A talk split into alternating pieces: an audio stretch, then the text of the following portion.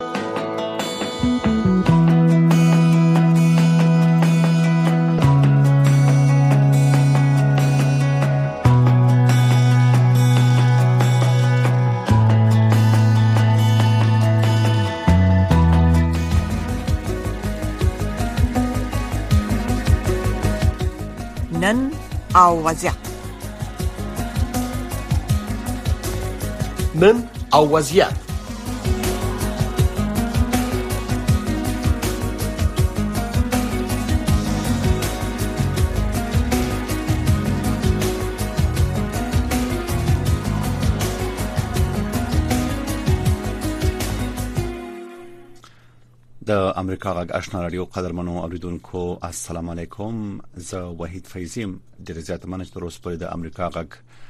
ټول خبرونه ګوري او تعقیبوي په دې ورستیو کې په نړۍ کې په ځانګړي توګه افغانستان څخه بهر ته د کډوالو په شمیر کې یو څه زیاتوالی لیدل کیږي په ځانګړي توګه ورسره هغه چې په 2020م کال کې د اگست 15مه مخکنی جمهوریت نظام سقوط شو د افغانستان څخه د افغانانو وټلو بهیر پیل شو په ځانګړي توګه د تخلیه بهیر چې په زرګونو افغانان د افغانستان څخه ووتل او لا هم دا بهیر دوام لري ترڅنګ په اروپا کې هم ځینې کډوال چې هلته میشتي او یا هلته په لار دي اروپאי هیوادونو ته د دیو د وضعیت او په مجموع کې د کډوالۍ په اړه بحث کوو د یادولو وړ چې په روانه اونۍ کې د جون شلمه د کډوالو نړیواله ورځ واو تاسو له امریکا غږ څخه په دې اړه ځانګړي خبرونه ولیدلې او ځانګړي راپورونه مو ولیدل په دې خبرونه کې د کډوالو د حقوقو فعال سعید حسنین چې د اوس په ایتالیا کې دی او لمنګ سره د استودیو کې یا په خبرون کې وصل شوې دي وسره به بحث وکړو او په سیمه کې په ځانګړي توګه په اروپا کې د کډوالو د وضعیت په اړه به موږ سره خپل معلومات شریک کړي حسنین صاحب خبرون ته بخیر راغلی مننه تاسو ته او د تاسو اوریدونکو ته سلامونه وړاندې کوم وعلیکم السلام راځئ دینه دا خبرونه پیل کو چې په اوس وخت کې په اروپا کې چې کډوال په مجموع کې دي الته او افغانان هم پکې دي تاسو ورسره کله نا کله ګورئ او په دې برخه کې تاسو فعالیت کوئ الته څه وضعیت حاکم دی مننه د دې پښتنه نه خو په تاسو څخه معلوم دي چې متاسفانه په دې سوکاله کې خصوصا د 2000 زر سم نه روسته اروپאי هیوادونه او اتحادیه د اروپا دوی پالیسی دا ده چې مثال خپل د بهرنۍ سرحدونه ټینګ کړي د کډوالو مهاجرونو لپاره د دې لوجه اوس وضعیت هم دغه د چې لکه د ترکیه او یونان په منځ کې د یونان سرحدي ساتونکو لخوا نه مهاجرین او کډوال دیپورت کیږي ترکیه لخوا ته او د دې نه بغیر لکه ایتالیا نه فقط افغانان تقریبا اکثر د مختلف ملیتونو څخه چې کډوال راځي دوی ته دیپورت کوي بالکان هیوادونو ته لکه اسلوونیا اسلوونیا او کرواسی او کرواسی بوسنیا دا مش استنزه مشکل شته کډوال لپاره نور شي مثال په ایتالیا کې خو د دې ډیپورټ په علاوه د ادغام مشکلات شته دلته دوم سم دومره زیات چانس نشته پروګرامونه او پلانونه صحیح نه دي دا یو نشیار هم وایي چې مثال په ایتالیا کې د کډوالو لپاره نه فقط افغانان ټول کډوال لپاره دلته د ادغام مشکل شته او نور چې دی بعضي هیواد اروپאי هیواد لکه بلجیم کې هلته بیا د پناه هغه سیستم چې دی په دې کې د ستونزې د ماجرین لپاره خو څن افغانان لپاره هغه ته د 2021 چې کله چې د افغانستان هغه مخکنی نظام سقوط وکړو د دې نروسه افغانستان د دوی لپاره د جنگ وضعیت نشته پکې د دې لوجه هغه سبسيډري پروډکشن چې دي هغوی د افغانان کډوالو چې دلته پناه غوښتونکي اروپا ته راځي د بلجیم ته دوی هغه پروټیکشن ترلاسه کوي نشي نور دوه مکل چې د اوکرين جنگ شروع شو د دین روسم ماجرین لکه خصوصا د اوکرين کډوال ډیر راغلي د اروپا کې دلته به دوه قسم روايه د یو غټ ستونزه دي ستونزه دي ځکه چې په دې کې به هغه تعصب او هغه ډیسکریمینیشن چې دي چې مثال ته یو ماجر ته ورته یو روایه کوي او اوکرایني کډوال چې راځي ورته بل روایه کوي دا یو غټه ستونزه کیږي او دا د ماجرین د غام لپاره یو غټه ستونزه ده اوس کوم افغانان چې د 2020م کال اگست نوروز ته اروپا ته تللي دي د هغه ته د اسناد ورکولو یالته د میشکدو پروسه څومره اسانه ده ځکه په یو شکل باندې خو په خپل دغه هیوادونو بولیدي دا بعضی وادونو کې فرق لکه مثال په ایتالیا کې افغانان لپاره تقریبا 99% د قبول اخیستلو امکان شته او بعضی ایوادونه لکه مخکې ما چې ول په بلجیم کې الټا دا غا سبسډي پروډکشن تر لاسه کول امکانات کم شوي دا په جرمني کې ډیر دي خو بیا هم چې مثال خپل د کډوال چې راځي واقعا چې ثابت کې چې دا د افغانستان مخکنی نظام سقوط نه روسته راغلي دي او والته استونز لري د مثال د د ځان خطر واقعا او د پارشته په افغانستان کې تقریبا هر هیواد کې ورته پنا او هغه کډوالي سټیټس ورکول کیږي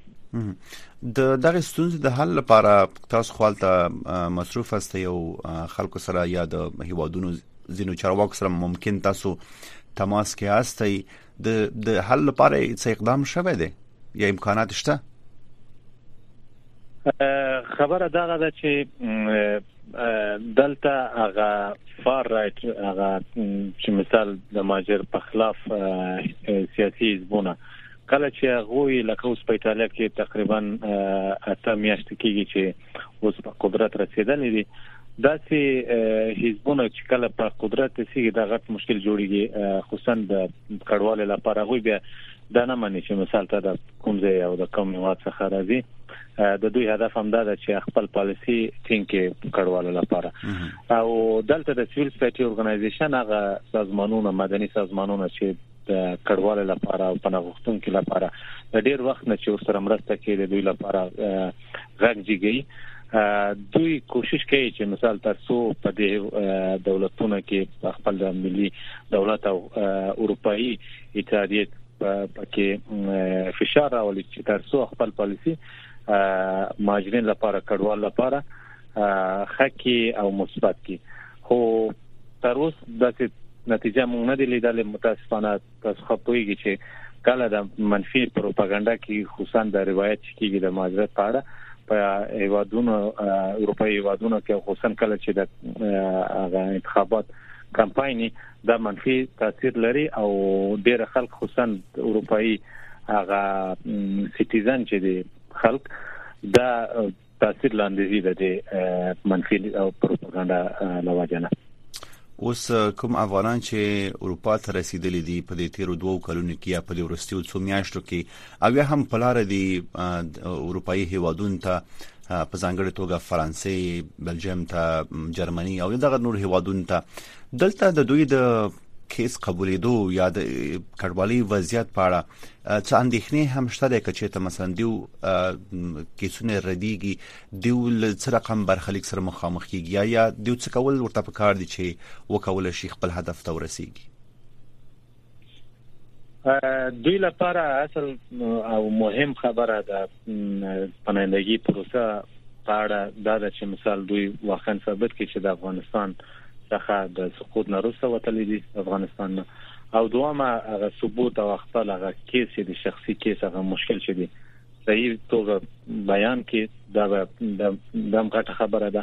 او نور د اروپا تاسو ته معلوم ده چې د دوبلین په نامه یو قانون ده چې کله یو ماجر په لومړی اروپایي هیواد ته رسیږي عملته باید پاتې شي او خپل د پناه غوښتنکې هغه اپلیکیشن تر مخکې هغه دولت ته د دې لوجه بیا کله هغه سړی چې مثال افغانان په یونان الته څنګه ډیر دي په ایتالیا کې دا ایوادونه ترانزیت ایوادونه دي او کله چې ځان رسېږي مثال فرانسې جرمني بلجیم ته دلته د دوبلین قانون له وجه نه دوی ته وایي چې باید به تلاش شي دغه هیوادونه ته دا یو غټه ستونزه دي ماجرین لپاره د دوبلین قانون اوس په څو ورځې کېږي چې مثال د اروپאי هیوادونو خپل په منځ کې کوشش وکړو او په توافق ورسېدل چې تر څو د دوبلین قانون نور ختمه کی او نور د سولیداریټي چې د خپل پمنځ کې همدردي اساس باندې د دې مشکل یو لارښود پیدا کړي خو تر اوس دا د اروپאי هیوادونو په منځ کې داسې توافق صحیح توافق نشته ځکه چې بعض ملکونه لکه پولند شو او تریش شو او د هنګری د هیوادونو ډېر سخت پالیسی لري او د دوی سیاست دا ده چې مونږ په هیڅ صورت غیر قانوني لار چې په لار کې هغه پناهغښتن چې رسیدي په اروپا کې مونږ دته پناه او ډاکومنت نه ورکوم دا هم غټه ستونزه ده تاسو د دې خبرې په دوام باندې ممکن یو شمېر کډوال چې اروپا ته تللي دي هغه نه غواړي مثلا په یونان کې یا په ایتالیا کې پاتې شي لاړ شي نور اروپאי هیوادونو ته نو دا سم ویل کیږي چې دا غوونه الته بایومټریک یا د ګوتو نښانونه اخیستل کیږي نو به دیو څنګه کول شي چې په دغه هیوادونو کې پاتې شي الدا چې دی غواړي اروپאי هیوادونو ته لاړ شي دا یو غټ جنجال نه دی دا د دوبلین قانون په اساس څنګه چې ما مخکې ذکر وکړو دا غا په اساس هغه یو کډوال او پناهغښتون کې کله چې په لوړی اروپאי هواد کې رسیدي عمل ته باید پاتې شي اوس لکه څوک چې یونان ته رسیدي عمل ته باید پاتې شي په یا په ایتالیا کې خو خصوصا افغانان لکه سوري دا کډوال چې کله اروپا ته رسیږي په دې وادونو کې نه پاتې کیږي د دوی هدف لکه مثال جرمني ده بلجیم ده فرانسه ده سویډن دا هیوادونه ده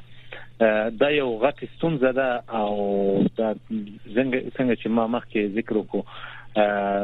اوس تقریبا یو څو ورځې مخکې د اروپאי وادونو په مخ په منځ کې دا توافق وسو چې دا قانون اوس ختم شي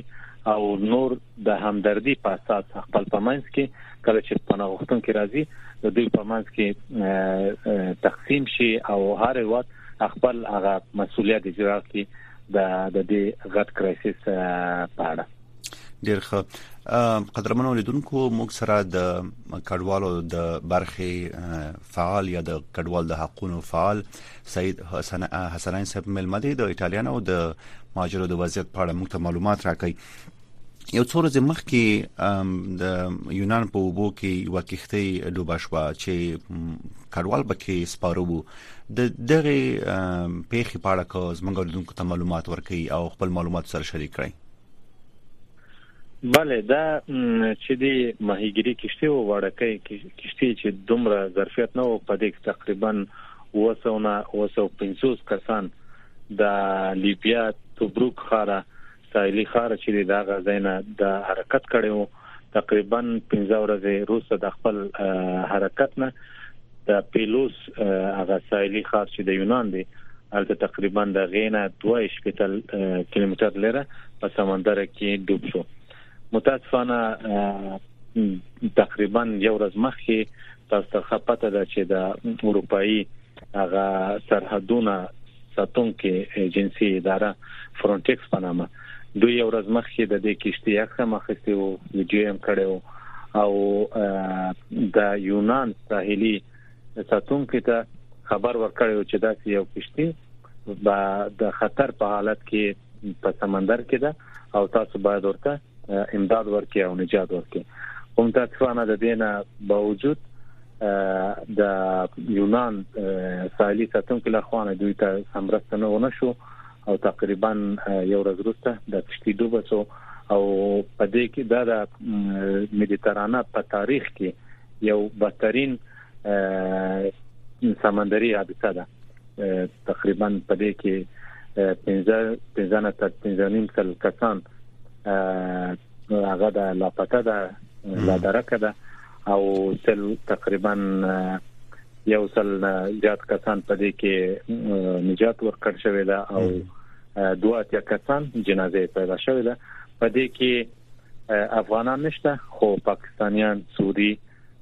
مصری او فلسطینی پکې کسان نجات ورکړ شوی ده او تقریبا 200 وای پاکستانیان پکې هغه مفقود ده په دې حادثه کې بالکل لکه څنګه تاسو ته اشاره وکړه لوی حادثه و د هغه کسان لپاره چې د په دغه سیلارو باندې سفر کوي آیا په دې کښته کې افغانان هم شامل وو نه تر هغه معلومات چې مونږ لرو په دې کې د افغانان د وجود هغه امکان نشته صحیح خو یو څو مو د مخ کې یو تعداد افغانان اروپا ته په لار باندې امر شو چې دا غو جنازي هم افغانستان ته انتقال شول دی او تعداد که زمونږ اوریدونکو ته په دې اړه معلومات ورکړي چې دا لارې څومره خطرناک دي چې دغه سه حادثات پکې رامنځته کیږي مننه د دې ډیر مهم پښتنه نه زه خپلم په دې لار راغلی یم او تقریبا کله چې ته دلته یو غټه مسله دغه ده چې د اروپאי هیوادونو څخه داسې یو پالیسی نشته چې قانوني لار جوړ شي او دا لار مثال محفوظ لار جوړ شي کډوالو لپاره د دې له وجه ډیر کډوال مجبور ده چې مثال د فقر نه د جنگ نه د نور خطر نه ځان هغه کوچاک بران پلاس اوس پارکي او ځان ورسې په اروپا کې متاسفانه ډیر وخت د کشتيان چې په دې کې د کډوال او د پناه غوښتونکي سفر کوي دا اس ایمني او داسې محکم کشتي نه ده د دې وضعیت ډیر خراب ده او په ډیره ساده توګه کله چې یو طوفان شروع شي د سفر په وخت او په لار کې دا د سي د چار کې متاسفانه او نور دوم خبره دغه ده چې اوس څنګه چې ما مخکې وویل د اروپאי هیوادونو خصوصا د فرونټکس په طریق د پالیسی دا ده چې مثال د ټول د دې نظارت کنټرول لپاره دی چې مثال ترڅو د خلک د کډواله د پناهغښتون کې ځان ونه رسي په اروپا کې او داسې د نجات او د امداد ماموریت پکې نشته د کنټرول ماموریت ایوادونو څخه او دا وجه ده ځکه چې دلته یو ځای ثبوت هم ورکولای شم تر 2014 پورې ایتالیا ساحلی ساتونکو لخوانه یو غټ ماموریت وو د مارینوس هم پنامه د 2014 کې کله چې ختم شو تقریبا تر نن د مثال 2023 پورې شپږ ویش زره کسان په مدیترانه کې مړ شوی دي هغه کسان هغه کډوال هغه غوښتون کې چې کوشش کول چې خپل ځان اروپا ته ورسي دا یو غټه ثبوت ده چې مثال کله دولتونه د امدادي کشتیان هلته نه لیږي او خلک ته نجات نه ورکوي خصوصا د خلک د خلار نه بنديږي دا خو یو صفا او واضح خبره ده څوک چې ژوند په خطر ده او خپل نه فقط خپل ځان د خپل ماشومان د خپل فامیل آینده لپاره چې مثلا غوښتل کوشش کوي چې ځان اروپا ته رسیدي خو دوی لپاره کله چې قانوني او محفوظ لار بنئ او او دا د نجات ماموریت نه خصوصا په سمندر کې د خلک بس دوم په دې حادثات کې یو هغه قرباني کیږي متاسفانه بالکل ماجرات یو له هغه پدیدو ده چې په هیڅ وخت کې په ټپه درېدل نه ده یا بند شوې نه ده خو د افغانستان وضعیت ته په کتو سره اوس تاسو زموږ اوریدونکو ته معلومات ورکولای شئ چې د مهاجرو یا د کډوالو په شمیر کې زیاتوالی راغلی کو د پخوا په شان په نورمال حالت کې وو نورمال په حالت کې اوس ایتالیا له خوانه تقریبا 2021 په نومبر کې پنځه مدني سازمانونه د ایتالیا دولت سره وزارت داخله سره یو پروتوکول امضا کو چې ترڅو یو زره 200 کسان کډوال چې ژوند په خطر دي هغه راولي ایتالیا ته دا یو قانوني لار ده او په دې کې زیاتر هغه علاقه او کوشش او تلاش د مدني سازمانونو لخوا نه و چې مثال دوی ویل چې په افغانستان کې اوس ډېر کسان چې په خطر ده هغه ماجر شوی د کډوال شوی د پاکستان کې ایران کې دا کسان کوم یو قانوني لار ورته جوړ نکو دا کسان په غیر قانوني توګه او په خطر او د قوچاقبران په لاس کې خپل ځان رسي او خو نتیجه هغه ده چې څو څو ورځې مخکې د کشتي حادثه وشو د دې مخکې په بلغاریا کې چې هغه حادثه وشو په کانټینر کې کسان مړ شو او بل حادثه چې ایتالیا نږدې هغه ساحل کې کوترو کې وشو په فبرवरी د دې کال په دوه میاشت کې دا وضعیت متاسفانه خو یو زره 200 کسان د دومره غټ خبره نه ده دومره غټ شمیره نه ده ځکه چې ډیر کسان اوس اکثریت تاسو وینئ تاسو خو په خبر یاست پاکستان کې البته په ډیر سخت وضعیت کې البته اوسېږي پاکستان ورته اسناد نه ورکوي ډیر کسان د پاکستان دولت له خوانه نیول کیږي بندي کیږي هغه کسان چې یو د قانوني او محفوظ لار ونه ویني خو مجبور کیږي چې د خپل ځان په دغه قانوني لار ځان ورته اروپا ته دغه چې په ایران کې وضعیت نه ده افغانان لپاره کډوالو لپاره قانوني لار نشته چې دا په قانوني توګه ووسیږي او هغه خونه چې مثال دوی ته اروپا او امریکا دا چې وادونه کې ورکول کیږي هلته متاسفانه نشته اساسي حقونه لکه درس ویل او د صحت لپاره هغه خدمات تر لاس کول هغه خدمات دا امکان نشته د دې له وجه دوی مجبور دي داخل کوم متاسفانه نور دلته یو بل خبره مو کومه چې 2014 کې د 2015 هغه غټ کرایسیس چې وو چې د سوریا نه ډیر کډواله راغی اروپا ته دغه نه روسته اروپا ترکیه سره یو غټه توافق وکړ چې دوی ترکیه ته پیسې ورکول او اوس هم پیسې ورته ورکړي چې ترڅو کډواله هملته ودروي پر ترکیه کې ورته وایي چې همدلته پاتې سي سیاست هم داسي د ترکیه دا غو مشکل د ځکه چې بیا ترکیه خو هغه حقونه نه ورکي او تضمین نه ورکي د کډوالو ته مثال دوی افغانستان ته ماجرین لیږي اوس پروش کاله تقریبا یو یو لکه شپږ ویش مهاجرونه په افغانستان په سوریه کې د ترکیه نه ډیپورټ شوی دی دام د مسولیت د اروپا د ځکه چې د اروپאי هوادونه او د اروپאי اتحادیه ترکیه ته پیسې ورکړي چې دا کسان عملته نه فقط د پناه نه ورکړي هغه ډیپورټ کوي دا کسان متاسفانه په کمپاین کې د څو تقریبا یو میاشت مخکې چې انتخاباتو په ترکیه کې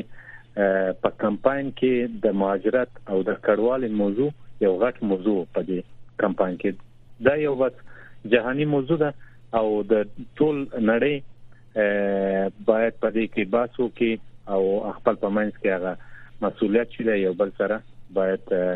شریک کړي بله د افغانانو لپاره چې د افغانستان نه وځي یا بهر دی یا پلار دی اروپا ته په یو شمېر هیوادونو کې دی لکه ترکیه او نور دیو لپاره کومي لارې خوندي یا داري چې مسؤل ووسی ترڅو دی وکول شي خپل هدف ته چې هر هیواد وي او په قانوني توګه وی الته لاړ شي دا خو ډېر ښه پوښتنه ده متاسفانه داسې سړی سل فیصد داسې تضمینی لار څنګه چې ما مخکې ویل د اروپאי هیوادونو څخه داسې یو لار نه جوړ شوی چې مثال یو څوک کډواله یا غال ته پناه غوښتن غوښتنو کې یا د دې هیوادونو سفارت ته لاړ سي هلته د ویزې لپاره درخواست وکړي دا امکان متاسفانه نشته فقط بس بعضې هېوادونه هغه د ډېر محدود شمېره کډوالې لپاره خصوصاً چې هغه کسان لکه ژوند یې په خطر ده لکه اکټیویست چې دی د ښځو حقونو لپاره او نور چې دی د ماینورټیز چې دی د دوی لپاره او نور هغه کسان چې ژورنالیست ژوند په خطر ده فقط دا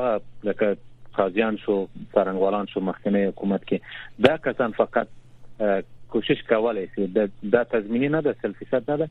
مثال په دې پروګرامونو کې برخه واخلي او دا ډیر محدود شمیره ده ټول کډوال لپاره دا یو پرای حل نشته متاسفانه یو وخت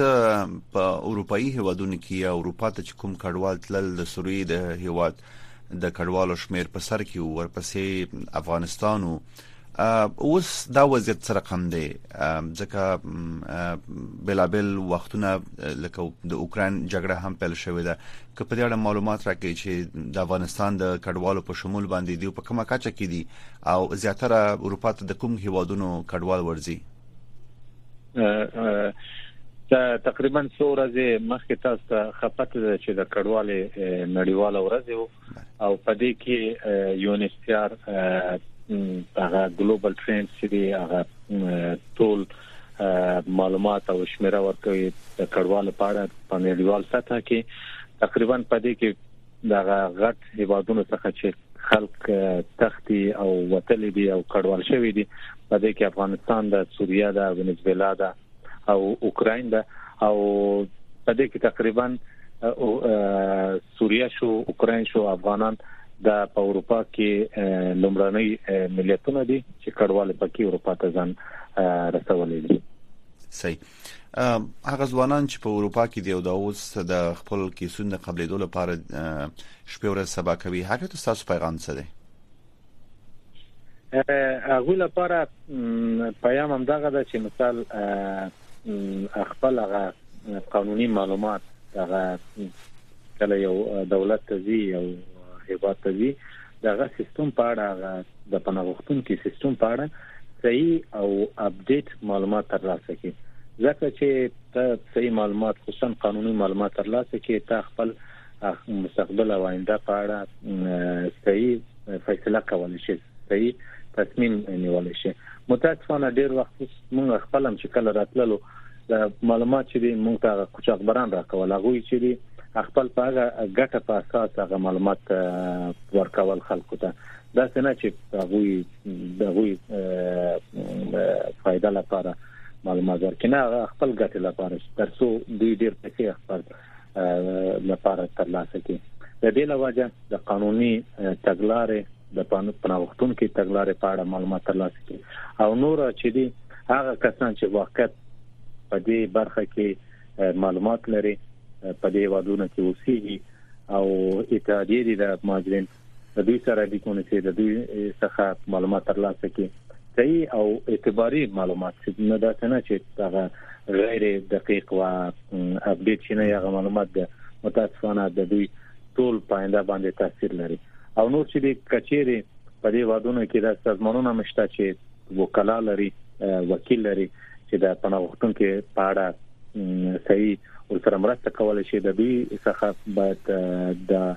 کومک درخواست وکړي او زما مشوره دی لپاره هم ده او یو بل لاند جواب کو تاسو نه واخلو په دې اړه چې کوم کسان چې په اصطلاح کې سونه ردی کی د غو د ډیپورټ کولو یا ایستلو اندېښنه هم شته خوشبختانه د دې په اړه د افغانانو لپاره کله چې د افغانستان مخکنی نظام سقوط وکړو 2021 نه د اگست نه روسه افغانان ته ډیپورټ نشي کولای ځکه چې د دې وادونه الته سفارت بند شو اوس د افغانستان هغه فعلا چې هغه نظام ده دوی په رسمیت نه دی پیژندل د دې لوجه دوی نه کولای چې افغانستان ته افغانان هغه کډوال چې منفي اخیسته دا چې د افغانستان کې کې سره چوي دا وو د پورکیږي نه خوشبختانه د کډوالو د حقونو فعال سعید حسنین صاحب ډیر زیات مننه تاسو له معلوماتو او په دې خبرونه کې لګډون څخه مننه د تاسو قدرمن دوستانو دا خبرونه هم په څو شیبو کې پای ته رسیدي تاسو لمنتیا ډیره زیاته مننه د امریکا غږ نور خبرونه لا دوام لري موږ سره پات شي تر بیا خې چاره